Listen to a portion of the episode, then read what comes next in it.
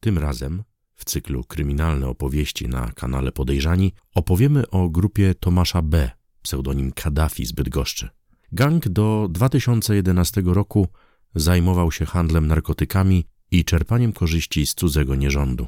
A sam Kaddafi po wyroku ukrywał się i wpadł kiedy nie tak dawno, bo w 2019 roku przygotowywał porwanie pewnego biznesmena.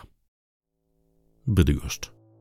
Największe miasto województwa kujawsko-pomorskiego, liczące blisko 350 tysięcy mieszkańców. Siedziba wojewody. To tutaj w 2001 roku powstał gang, na którego czele stanął Tomasz B., nazywany Kaddafim. Grupa zajmowała się przestępstwami typowo kryminalnymi, ale nie w tak szerokim zakresie, jak robili to gangsterzy w latach 90. Ludzie Kaddafiego skupiali się na rozbojach, czerpaniu korzyści z prostytucji, ale przede wszystkim na handlu różnymi rodzajami narkotyków. Zorganizowali w tym celu całą siatkę dealerów. Obok Tomasza B. wysoko postawionymi członkami grupy byli Adam P., pseudonim Pluto, i Jaromir M. O., pseudonim Jurgen. Wiadomo natomiast, że to Kaddafi sam decydował o popełnianych przestępstwach i podziale zysków.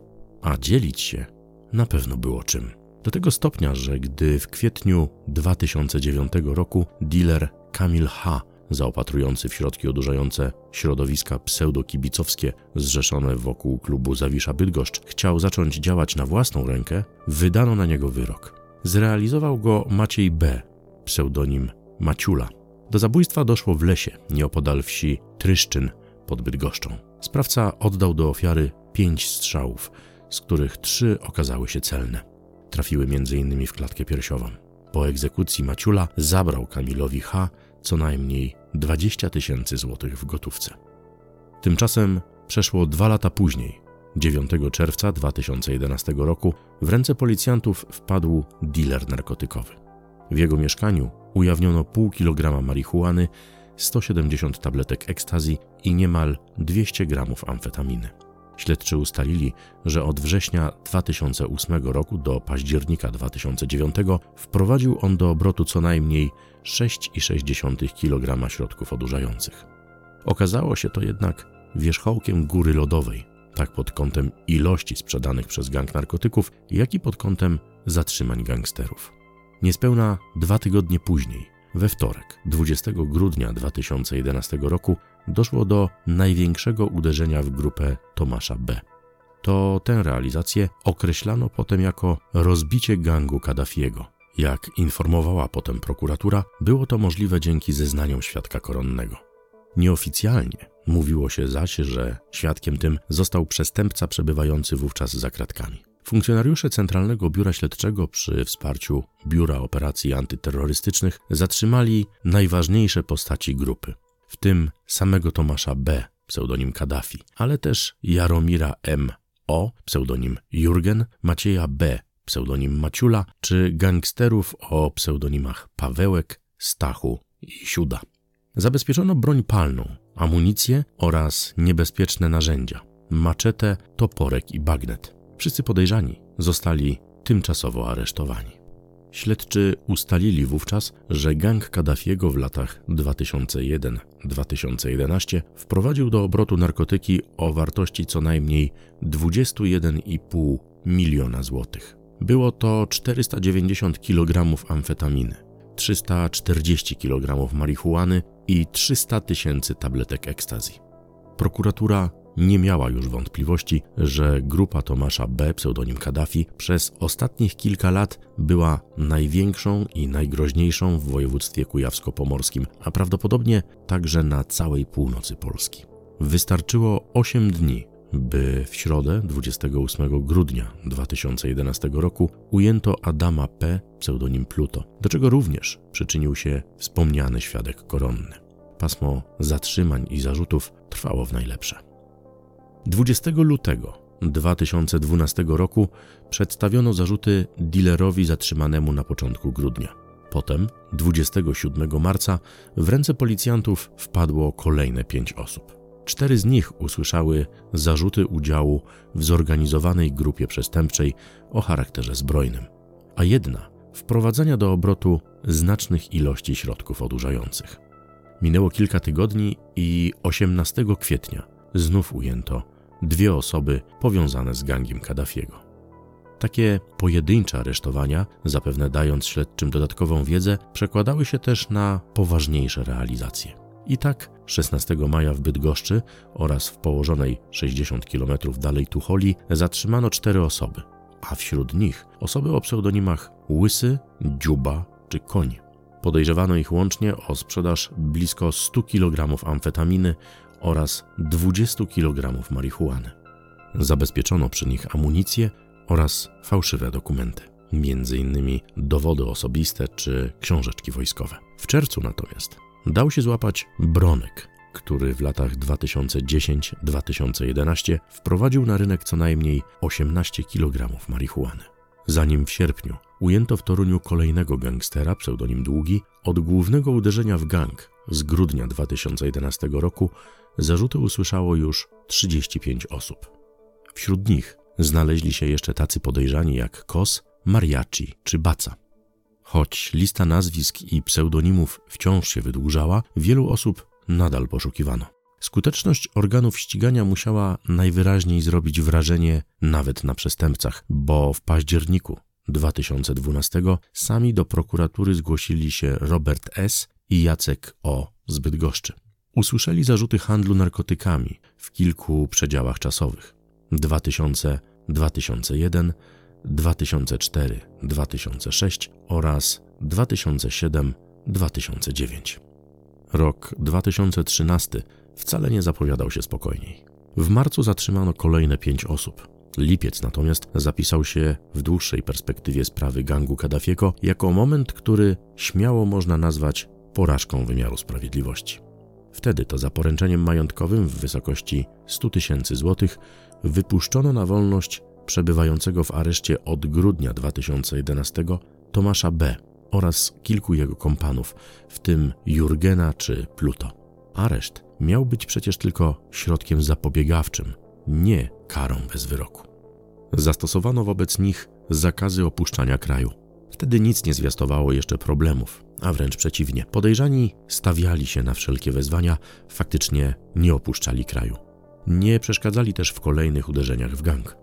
W połowie października, późnym wieczorem, patrol policji zauważył w miejscowości Niechosz siedlisko Volkswagena Golfa, który na widok radiowozu zaczął uciekać. Pojazdem poruszały się dwie osoby, a odjeżdżając wyrzuciły one przez okno pakunek. Samochód na łuku drogi przewrócił się. Kierowcę i pasażera udało się ująć. Okazało się, że wyrzucony przez nich pakunek to 2,5 kg marihuany. Jeden z mężczyzn został aresztowany na trzy miesiące, a drugiego śledczy w innym postępowaniu podejrzewali o handel znacznymi ilościami narkotyków w 2010 roku na rzecz gangu Kaddafiego. Groziło mu za to do 12 lat pozbawienia wolności. Podobne zarzuty w połączeniu z nielegalnym posiadaniem broni oraz przynależnością do zbrojnej grupy przestępczej usłyszało w tamtym czasie jeszcze 9 osób. Konsekwentnie zbierany materiał dowodowy pozwolił w maju 2014 roku wykazać, że 8 osób pracujących dla Tomasza B. dopuszczało się też obok rozliczeń narkotykowych i związanych z prostytucją szeregu innych przestępstw. Mowa przede wszystkim o różnych formach zastraszania. W listopadzie 2008 roku gangsterzy w Białych Błotach mieli spalić samochód marki BMW, a innym razem zmuszać kobietę trudniącą się prostytucją do zapłacenia 15 tysięcy euro pod groźbą rozbicia jej rodziny i spalenia domu. Pobierali też haracz w wysokości 100 zł dziennie od prostytutek stojących na trasie Stryszek-Łęgnowo. Na tym etapie w śledztwie występowało już 129 osób. W końcu nadszedł 9 kwietnia 2015 roku. Wtedy ruszył proces gangu Kaddafiego. Postępowanie ze względu na liczbę oskarżonych i ilość zarzutów podzielono na kilka wątków. Tomasz B. i kilka innych osób chciało dobrowolnie poddać się karze. Po niespełna trzech latach, na początku lutego 2018 roku, zapadły wyroki. Po wcześniejszych zwolnieniach z aresztu Kaddafi, Jurgen i Pluto odpowiadali z wolnej stopy. Za kratkami z głównych oskarżonych przebywał tylko Maciula, odpowiadający za zabójstwo dealera narkotykowego Kamila H. z 2009 roku. Tomasz B., pseudonim Kaddafi, usłyszał wyrok 14,5 roku pozbawienia wolności.